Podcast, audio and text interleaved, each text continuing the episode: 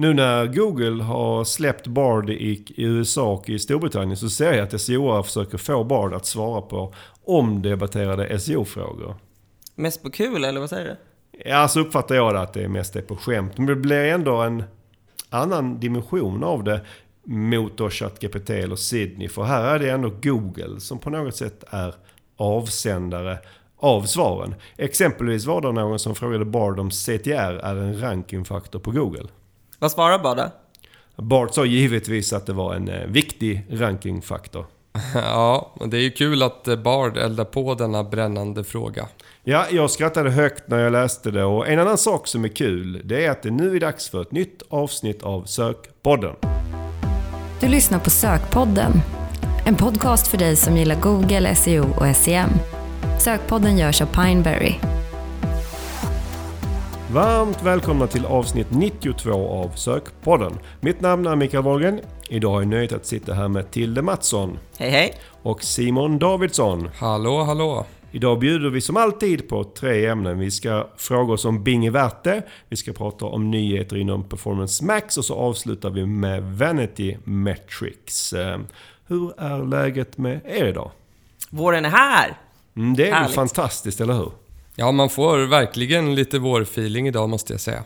Mm. Tilde, vi har eh, tidigare pratat om att du under flera år har försökt förutspå resultatet i Melodifestivalen med hjälp av sökvolymer och söktrender. Och då med goda resultat historiskt. Men hur gick det i år? Hade söket rätt? Eh, Det gick bra. Vi kunde se att Loreen var en trolig vinnare redan innan och även att Marcus Martinus skulle komma tvåa. Eh, Så det här visar ju tydligt vad man kan se om man vet hur man ska analysera söktrender och vad som händer eh, i Serpen.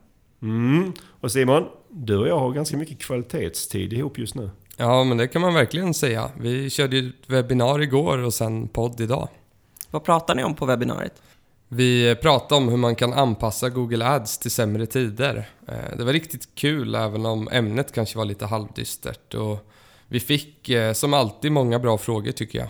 Verkligen. Frågorna är höjdpunkten, eh, tycker jag. Och om någon missade vårt webbinarium igår eh, så går det såklart att lyssna i efterhand. Det är bara att eh, knalla in på pineberry.com webinar så hittar du länkar till det där. Och med det så är det hög tid för dagens första ämne. Idag ska vi börja att prata om Bing och närmare bestämt om det är värt att satsa på Bing som företag. Bing har ju verkligen varit i ropet med tanke på ChatGPT och Sydney. Verkligen, och jag vill understryka att vi inte kommer väga in huruvida vi tycker Bing är en bättre eller sämre sökmotor än Google från ett användarperspektiv. Utan enbart om Bing är något som ett företag ska använda sig av i sin marknadsföring. Som ett komplement till Google alltså? Precis. Och vi begränsar oss till Sverige, för när det gäller Bings marknadsandel kan det skilja ganska mycket per marknad. Exempelvis är den ju relativt sett högre i USA, men vi håller oss till Sverige. Vad har Bing för marknadsandel i Sverige då? Ja, men det är väl lite det som är the million dollar question här. Eh, Vi fick nyligen ett material eh, från vår byråpartner för Microsoft Advertising. Eh, Och enligt det materialet så är marknadsandelen i Sverige 15%. 15 procent? Då måste de ha ökat väldigt mycket nu på slutet. Nja, eh, siffrorna var från 2019 så den tar inte hänsyn till en eventuell ökning på slutet. Är det inte konstigt att 2023 delar data för 2019? Jo, det kan man verkligen tycka. Men Om det nu är data för 2019 så känns ju väl 15% helt orimligt. Ja, det är också helt orimligt tycker jag. För marknadsandelen eh, är inte för hela marknaden utan bara för Windows-enheter. Och då frågar jag mig, vad ska jag med den datan till då? Ja, det är en väldigt bra fråga. Eh, samtidigt så kan det ju kanske vara så enkelt att det är den datan som de faktiskt har tillgång till. De vet ju inte vad som händer på Android eller på Apple-enheter. Men jag håller med om att det är eh, missvisande att kommunicera på det här sättet. Och eh, man får ju uppfattningen att det är den riktiga marknadsandelen som de kommunicerar när det faktiskt inte är det. Hur stor andel har förresten Windows i Sverige? Jag har sett någon siffra att det ligger på runt en tredjedel eh, och då skulle det vara nästan uteslutande datorer. Eh, Windows marknadsandel på mobil är ju obefintlig. Det finns en målgruppsaspekt här eh, som är lite intressant. För Windows-användare är generellt sett äldre. Jag är nog en av få här på Pineberry som har Windows på datorn hemma, men skulle aldrig välja det för mobilen och har ju Mac här på jobbet. Och kollar man på de andra här på Pineberry-kontoret så har vi relativt få Windows-användare. De flesta kör Mac. Och snittåldern på de som använder Windows hos oss är väl närmare 50 och för Mac kanske runt 30. Eller vad säger du Wahlgren? Eh, jag säger att du är ute på lite tunn is kanske, men jag, ah, du har säkert rätt. Och detta gör att Bing såklart blir extra intressant om du riktar dig till en eh, äldre målgrupp. Okej, så Bings marknadsandel är inte 15%, men vad är den då på riktigt? Det finns väl ingen officiell siffra vad jag vet. Siffran som jag alltid har haft i mitt huvud är runt 5%. Och det finns olika verktyg som försöker mäta den här typen av data men min känsla är väl kanske att de inte alltid är 100% tillförlitliga. Men ett av de här verktygen är ju StatCounter och enligt dem så var Bings marknadsandel 4,16% förra månaden, alltså i februari eh, 2023.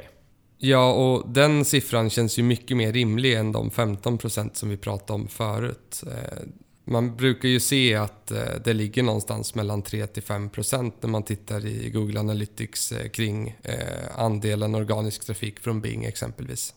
Vi har ju tidigare här i Sökpodden pratat om att Bing kanske ligger steget före Google när det gäller chattbottar i och med att de var först ut med Sydney. Och att kanske på grund av det här så har intresset kring Bing varit ganska högt och att deras marknadsandel borde ha ökat på slutet. Eller kanske kommer öka. Vad säger ni om det? Ja, jag tycker att det är svåranalyserat men Microsoft var ju ute i förra veckan och pratade om det enorma mottagandet som det nya Bing har fått och eh, att man nu nått milstolpen 100 eh, miljoner dagliga användare. Det låter ju väldigt mycket, men hur stor ökning är det? Ja, det förtäljer tyvärr inte historien men min känsla är nog att marknadsandelen inte ökat speciellt mycket. Ja, och där måste jag nog hålla med. Jag har kollat en del GA-konton som exempel och där ser jag liksom ingen trend alls att Bing-trafiken på något sätt verkar ha ökat. Men visst, det kanske är så att de har ökat från säg 4,2% till 4,5% men eh, inte, det är ingen jättemycket större ökning än så. Eh, och det kanske delvis ligger i att många har testat Sydney exempelvis eh, i interfacet. Eh, och att Bing på det sättet har fått mycket uppmärksamhet men att man ju faktiskt inte valt att klicka sig in till eh, en specifik sajt efteråt. Nej, det är en väldigt bra poäng eh, Simon, att det är bara trafiken man ser i Analytics. Sen är det ju ändå så att Bing är inne i någon form av positiv trend just nu. Så det kan vara så att ökningen kommer med tiden. Absolut, och nu har vi pratat väldigt länge om marknadsandelar men det är kanske inte riktigt ändå det som var ämnet för dagen. Nej, eh, Bings marknadsandel är kanske ett av de viktigaste argumenten för eller emot att satsa på Bing. Så det känns ändå rimligt att vi har tagit upp det och pratat en del om det här. Utifrån diskussionen som har varit hittills så är vi väl lite negativa mot Bing, eller? Ja, vad säger du Simon? Om vi antar då att Bings marknadsandel är, säg 5%. Räcker det för att det ska vara intressant? Ja, men det tycker jag absolut. Eh, även om det såklart finns eh, företag som eh, in, som det inte, där det inte är riktigt tillräckligt. Och man ska ju tänka på att konkurrensen generellt är lägre på Bing om vi tänker SEM och Microsoft Advertising. Så även om marknadsandelen bara är 5% så kan du ofta få en större del av trafiken på Bing än på Google. Även om den är marginell såklart. Så istället för att det kanske ger dig en 5% ökning så kan du få lite något mer? Ja, det är rimligt att vänta sig något större trafikökningar än bara motsvarande Bings marknadsandel. Eh, men det beror såklart även på konkurrensen i just ditt segment och hur vakna dina konkurrenter har varit på Bing och eh, annonseringen där. Och nu i tider av eh, lågkonjunktur, är det mer eller mindre aktuellt att satsa på Bing? Det beror ju lite på hur man ser på det. Eh, men om vi antar att efterfrågan minskat eh, 5% eh, på Google på grund av konjunkturen så kanske du kan se det som att du kan hämta hem de här 5% på Bing. Så nu är väl en bra tid att satsa på Bing. Men jag kan tycka att man alltid bör addera Bing om man ser möjligheterna för det. En lägre konkurrens ger väl även lägre CPC-nivåer, antar jag? Ja, historiskt så har det ju alltid varit så. Sen kanske jag kan nämna att jag upplever att gapet eh, i CPC minskat under åren i takt med att allt fler annonsörer har upptäckt Bing som ett väldigt bra alternativ eller tillägg till det man gör idag. Eh, men du kan ju utgå från att annonseringen kommer vara mer lönsam eh, än vad den är på Google Ads. Om man då bortser ifrån arbetskostnaden i det här fallet. Kan man det? Bortse från arbetskostnaden. Nej, det kan man ju såklart inte göra. Eh, den måste man ju ta hänsyn till. Eh, men eh, då gäller det ju att försöka hantera det här annonskontot så effektivt som möjligt och lägga så lite tid som möjligt relativt sett intäkterna som man får. Och en förutsättning för att satsa på Microsoft Advertising eh, som vi inte kanske har varit inne på tidigare men som är ganska självklar. Eh, det är ju att eh, man bör ha ett Google Ads-konto som någonstans levererar ganska bra resultat och eh, att man har eh, ändå hyfsat, en hyfsat stor investering på, på Google Ads. Kanske för att det, man ska se att underlaget finns att faktiskt ta det vidare till Microsoft eller Bing. Om man redan har ett eh, då, fungerande Google Ads-konto som levererar bra resultat. Hur mycket extra tid skulle du säga att det tar att ratta ett Bing Ads-konto? Och jag vet, det heter Microsoft Advertising nu men jag gillar inte det så att jag säger fortfarande Bing Ads. Lite som att du höll fast vid AdWords ganska länge. Ja, eh, där har jag faktiskt nog slutat säga AdWords. eh, Så på sikt kanske jag formar in mig i ledet och också säger Microsoft Advertising. Men vad säger du Simon? Hur mycket extra tid tar det att ratta ett Bing Ads-konto? Nej, men det är svårt att sätta en siffra på det såklart. Eh, men eh, det går ju att göra det effektivt och man bör ju sträva efter att göra det så effektivt som möjligt och inte lägga för mycket tid utan att någonstans allokera sin tid efter eh, vart man får störst intäkter. Och då kommer man ju behöva lägga mycket mer tid såklart på, på Google Ads än vad du gör på Bing. Eh, eller i Microsoft Advertising. Men man kan ju kopiera över väldigt mycket från eh, Google Ads eh, och det blir ett väldigt bra stöd för Bing. Så det finns väldigt bra funktioner som supportar det i Microsoft Advertising. Och sen kan det såklart bli lite dubbelarbete i den löpande optimeringen men även där finns det vissa synkar du kan göra. Men en som vanlig fallgrupp som man bör passa sig lite för det är ju att man inte synkar ihop dem för mycket. För gör man det så eh, kan man gå i en fälla eh, där, där strategin eh, rakt av är densamma på Google Ads och Bing och eh, kanske inte riktigt eh, motsvarar de här förhållandena kring konkurrens och så vidare som vi pratat om tidigare. Och man behöver såklart ha en annan ambitionsnivå här än vad du har på Google. Eh, för du får ju inte samma utväxling på en timmes optimering eh, i Microsoft Advertising som du får på en timmes optimering i Google Ads. Du menar att man ska medvetet sköta det sämre? Ja, det låter ju hemskt att lägga upp det på det sättet, men eh, du ska ju snarare tänka så här att eh, att säga att du kanske bedömer att du kan lägga 20 timmar eh, per månad eh, på din SEM-annonsering. Hur många av dessa ska du då lägga på Google Ads och hur många ska du lägga på Microsoft? Eh, Det handlar ju någonstans om att maximera effekten av din insats. Du var inne på att det kanske inte alltid är lönt att satsa på Bing Ads. I vilka fall skulle du säga att det kanske inte är lönsamt? Ja, men främst lite det jag var inne på förut, om man har svårt att komma upp i volym eh, och det är väldigt smalt sökbeteende redan. Eh, då kan det ju bli väldigt, väldigt begränsat eh, i hur mycket du kan synas på Microsoft. Och kommer exempelvis, eller har du exempelvis svårt att komma upp i 5-10 000 kronor i månaden eh, i spend på Google Ads så kommer ju din spend på Microsoft att bli eh, väldigt liten i relation till vad du spenderar på eh, Google Ads idag. Vi har mestadels pratat SEM när det gäller Bing, men hur är det med SEO och Bing? Ja, det är väl både enklare och krångligare på samma gång. Hur menar du då? Ja, det är krångligt i den meningen att i praktiken så går det inte att optimera mot två olika sökmotorer samtidigt. Men samtidigt gör det ju valet lite enklare, åtminstone här i Sverige. Eh, Du optimerar helt enkelt för den sökmotor som har 95%-ish av marknaden. Sen fungerar ju Bing och Google ganska likt, så optimerar du bra på Google så kommer du ha bra chanser att lyckas även på Bing. Så det är liksom inget man behöver tänka på när det gäller Bing och SEO?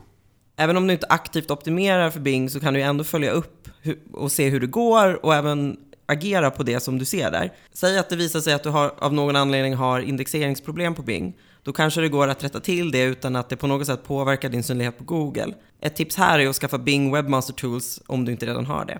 Här är min uppfattning att det är ganska många som inte använder sig av Bing Webmaster Tools. Eh, Och där håller jag med. Och i och med att det är gratis, precis som Search Console, så är det inget man behöver tveka på. Och mycket här är samma mellan Bing Webmaster Tools och Search Console. Ja, det är ganska lätt att se var folket på Bing har fått sin inspiration ifrån. Verkligen, men det finns några funktioner hos Bing som inte finns hos Google ännu, till exempel Index Now. Och nu kommer säkert några av våra lyssnare tycka att jag låter som en gammal eh, sur gubbe. Men precis som jag håller fast vid Bing Ads så är jag glad för att Bing eh, behåller Webmaster Tools. Search Console känns fortfarande som ett klart sämre namn. Det är kanske är för mycket copycat om Bing skulle byta till Bing Search Console. Mm, så är det nog. Om det tänker jag att vi sätter punkt för vårt snack om Bing är värt det eller inte och går vidare till dagens nästa ämne. Nu ska vi prata nyheter inom Performance Max. Efterlängtade nyheter. Ja, det har väl önskats uppdateringar inom Performance Max ganska länge, eller vad säger du Simon? Ja, verkligen. Det är ju något som många har skrikit efter en längre tid. Och sen återstår det väl att se om just dessa nyheter är svaret på allas böner. Och här ska vi kanske inte gå händelserna i förväg. Nej, precis. Det är väl lite det som vi har tänkt komma fram till i det här ämnet idag genom att gå igenom de olika nyheterna. Och i och med att vi, i likhet med många andra, har varit eh, kritiska till vissa saker inom Performance Max så känns det inte mer än rätt att vi pratar om de saker som då Google har släppt för att blidka en del av de önskemål som eh, kommit. Ja, och det vi generellt varit kritiska till tidigare är ju bristen på kontroll och insikter. Mm. Innan vi går igenom vad vi tycker. Hur har branschens reaktion varit på nyheterna? Ja, men mestadels positivt skulle jag säga överlag. Eh, jag har sett flera som skrivit att eh, det är stora och bra ändringar. Eh, samtidigt ska vi vara noga med att alla dessa nya funktioner inte är live ännu. Så det är lite spekulation fortfarande vad de här olika sakerna faktiskt innebär. Och det var dessutom så att eh, Google informerade om fyra kommande nya funktioner för någon vecka sedan.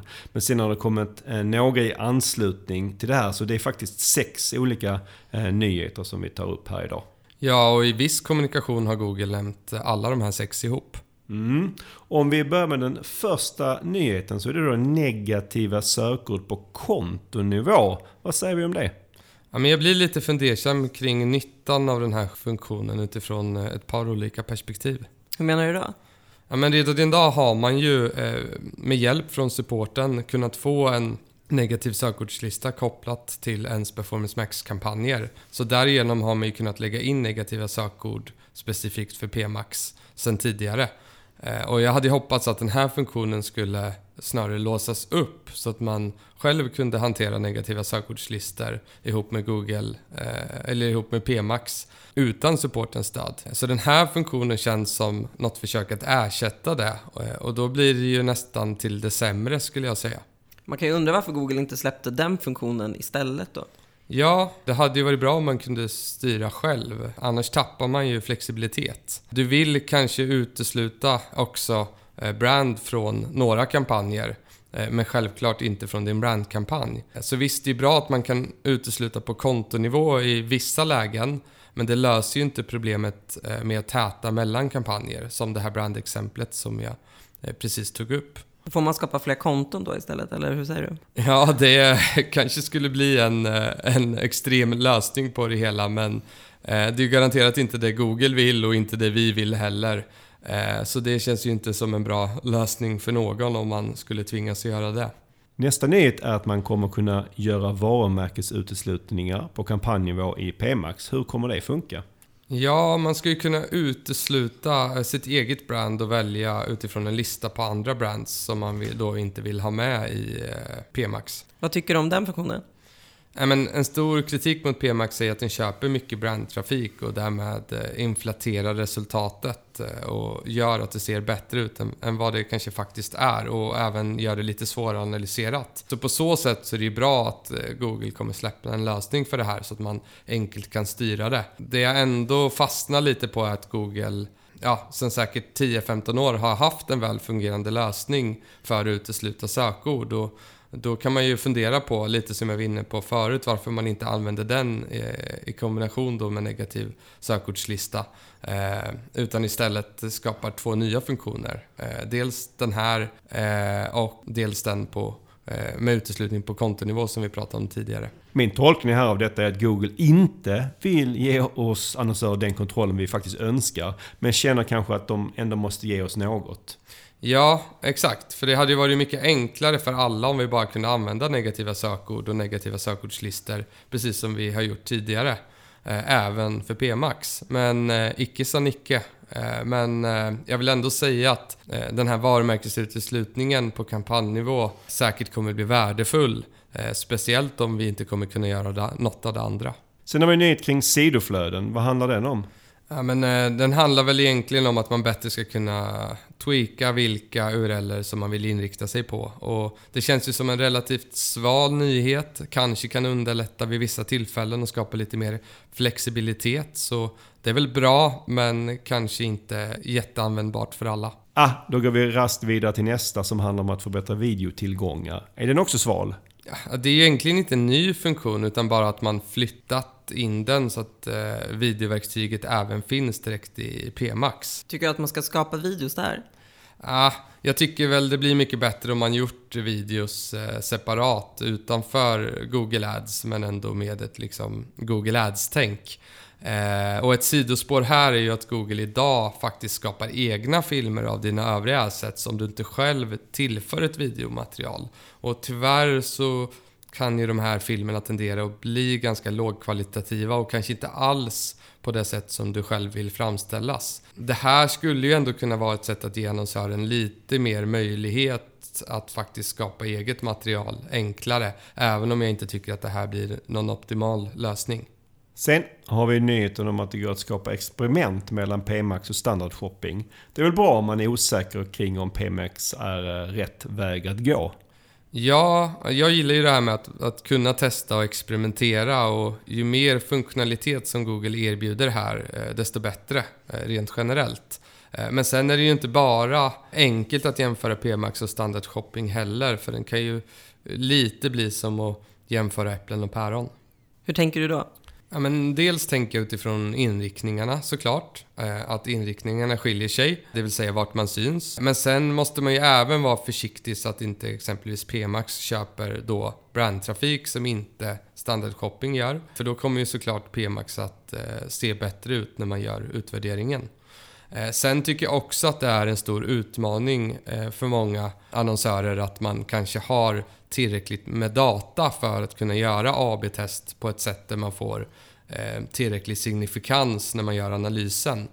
Eh, så det bör man ju också ha i åtanke om man funderar på att dela upp sin data. Och vi vet ju alla att budalgoritmerna inte är ett jättestort fan av när vi börjar dela upp datan allt för mycket. Utan att de faktiskt funkar bäst med mycket data. Så det behöver man ju också ha lite i åtanke här eh, inför ett sånt test. Sist men inte minst har vi nyheten om att vi ska få nya rapporter och insikter. Ja, och det här är nog en av de nyheterna som jag ser fram mest emot faktiskt. Och det här pratar ju Google om två olika saker. Den första om mer rapportering kring tillgångsgrupper. Ja, och här kommer vi kunna se konverteringar, konverteringsvärde, kostnad eh, och andra inte ännu namngivna mätvärden eh, på tillgångsgruppsnivå helt enkelt.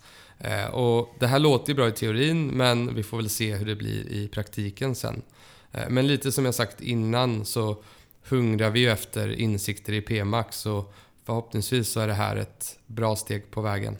Nästa sak de nämner kallar Google att vi ska få insikt om budgettempo. Ja, och även här eh, återstår det ju att se hur det de facto kommer att fungera. Man har ju redan idag lite budgetrekommendationer kring eh, sina kampanjer Eh, så det ska bli mest intressant faktiskt att se hur det här skiljer sig åt mot hur det ser ut idag. Det var de alla nyheterna som då kommit eh, på slutet om PMax. Eh, och om vi ska summera, vad tycker du om helheten Simon? Det känns som du inte är lika positiv som branschen i övrigt verkar ha varit. Nej, jag, jag, vet inte. Jag kanske är lite mer skeptisk. Men eh, om man ska summera det så har ju vi och alla andra annonsörer efterfrågat mer kontroll och bättre insikter ganska länge. Eh, så det är bra att Google faktiskt gör något åt det här. Så det tycker jag är väldigt positivt. Och Eh, det är ju, ja, man kan ju alltid fråga om det här är ett steg i rätt riktning och det tycker jag ju att det är. Och sen kan man ju ifrågasätta om det är ett tillräckligt stort steg. Eh, jag kanske hade önskat lite mer här. Eh, samtidigt så har ju Google mellan raderna sagt att det kommer fler nyheter. Så förhoppningsvis så kan det komma fler saker från önskelistan längre fram. Mm, tack för det Simon. Och med det så avslutar vi vårt snack om nyheter inom Performance Max och går vidare till dagens eh, sista ämne. Idag ska vi avslutningsvis prata om Vanity Metrics. Finns det ett svenskt namn för det?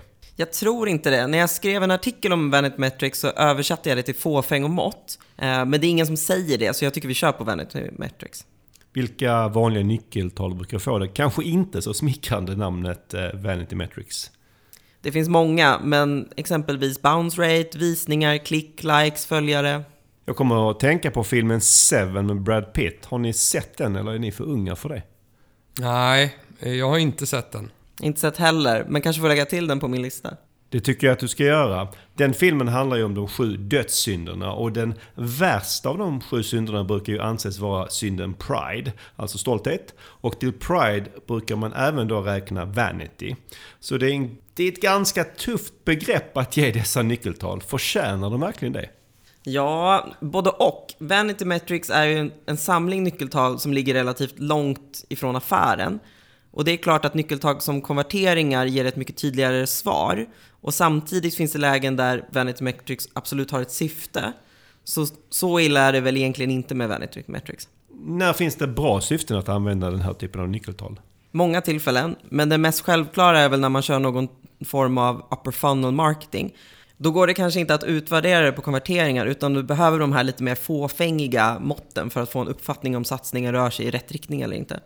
På tal om sju dödssynderna så är väl fåfänga ett mänskligt drag som vi nog alla känner av i olika sammanhang. Och så varför skulle digital marknadsföring vara annorlunda? Så är det. Det är mänskligt att vilja visa att det går bra och att få skryta lite. Men faran är väl när man bara förlitar sig på Vanity Metrics. För då finns risken att man bara tittar på nyckeltal som nödvändigtvis inte bidrar till affären. Och det missriktade fokuset kan leda till att man i förlängningen går miste om det som bidrar till intäkt eller till pengar. Jag tänkte att vi skulle prata om några av de vanligaste Vanity Metricsen och vi gör det utifrån SEO, SEM och social. Men vi kanske ska börja med några generella som gäller kanske allt. Vi kan väl ta bounce rate och tid på sidan.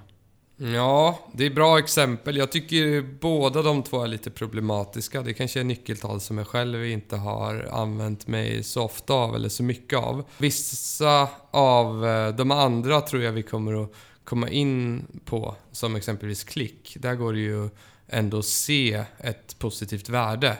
Frågan är bara hur stort. Men när det gäller exempelvis bounce rate och tid på sidan så är det ju inte ens eh, säkert om en hög eller låg egentligen är bäst. Så även om nog många siktar på en låg bounce rate exempelvis så måste det ju inte alltid bara betyda att, att det är bra. Nej, och jag var i en diskussion med en person ganska nyligen om just tid på sidan. Och hen jobbade mot ett mål att få deras besökare att stanna längre på sidan och frågade om jag hade några tips för det. Hade du det? Nej, för det är ett mått, precis som Simon, som jag aldrig kollar på. Men i och med att jag eh, fick frågan så gick jag faktiskt in och kollade vad vi hade för tid på sidan för Pineberry. Det har jag aldrig kollat innan och vi hade då 100 18 sekunder om jag kommer ihåg rätt. Och, eh, är det då bra eller dåligt? Ja, och det svåra svaret är att det går inte att svara på. Och jag håller med dig om detta att det inte är ett mått som jag gillar alls. Eh, men om man ändå behöver jobba mot det så handlar det väl om att man ska tävla mot sig själv. Eh, att man ska öka sin tid på sidan om nu det är målet. Jag tror inte att det är relevant att kolla på vad andra har för värden i det här fallet. Mm. Om vi pratar specifikt SEO, vad har vi för olika vanity metrics här? Visningar skulle jag säga är ett vanity metric inom SEO. Och det är inget du gillar, förstår jag? Ja, det är väl kanske att det kan finnas fall där jag kollar på det, till exempel om man felsöker något. Men det är sällan jag tycker det är bra att slå sig för bröstet utifrån antal visningar i Serpen. Jag snackade med en marknadschef här för några veckor sedan där vi just pratade om hur de utvärderade sin SEO. Och eh, eh, han berättade att de utvärderar SEO utifrån leads och visningar.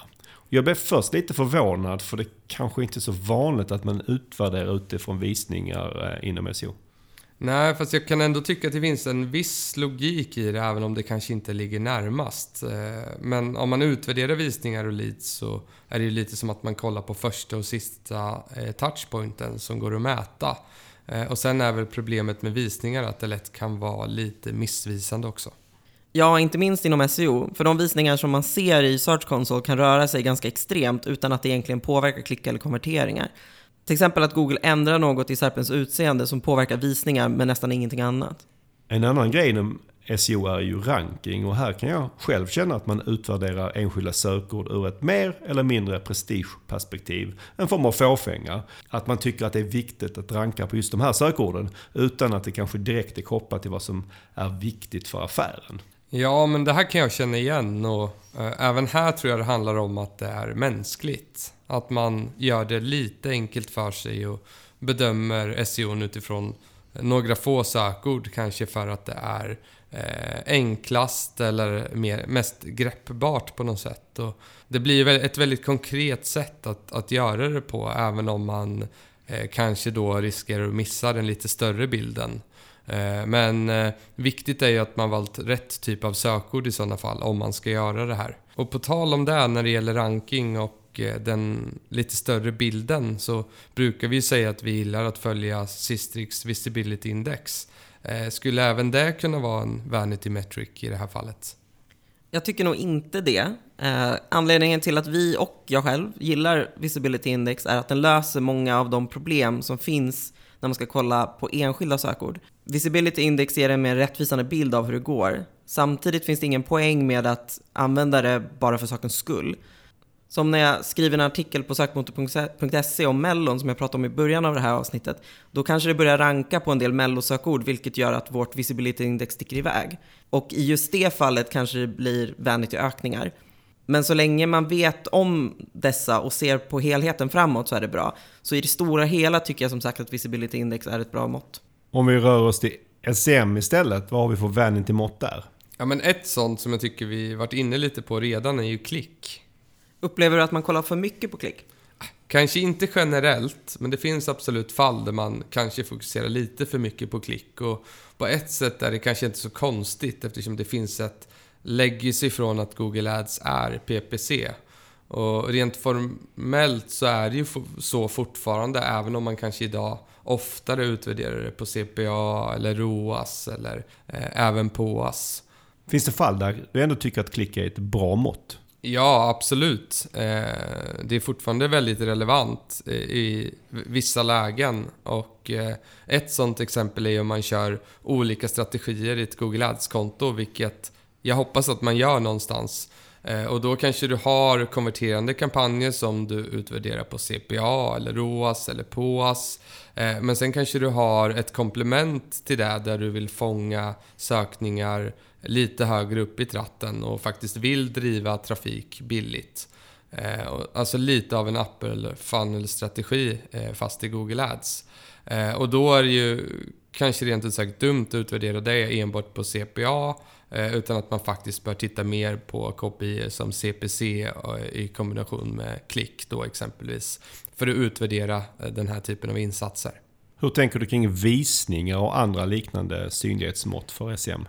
Ja, vi pratar ju om det för SEO och visst finns det ett mått av vanity även här. Eh, men det finns en betydande skillnad mot SEO skulle jag säga. För även om exponeringsandel eller liknande inte ensamt är ett bra mått för att utvärdera Google Ads så ger det ju väldigt värdefull information om vilka möjligheter det finns att eh, gasa en satsning eh, och hur mycket vi faktiskt syns. Så om man använder de här typen av mått rätt så skulle jag säga att det inte är fåfänga. Om vi avslutar med social, här finns det väl flest vanity metrics?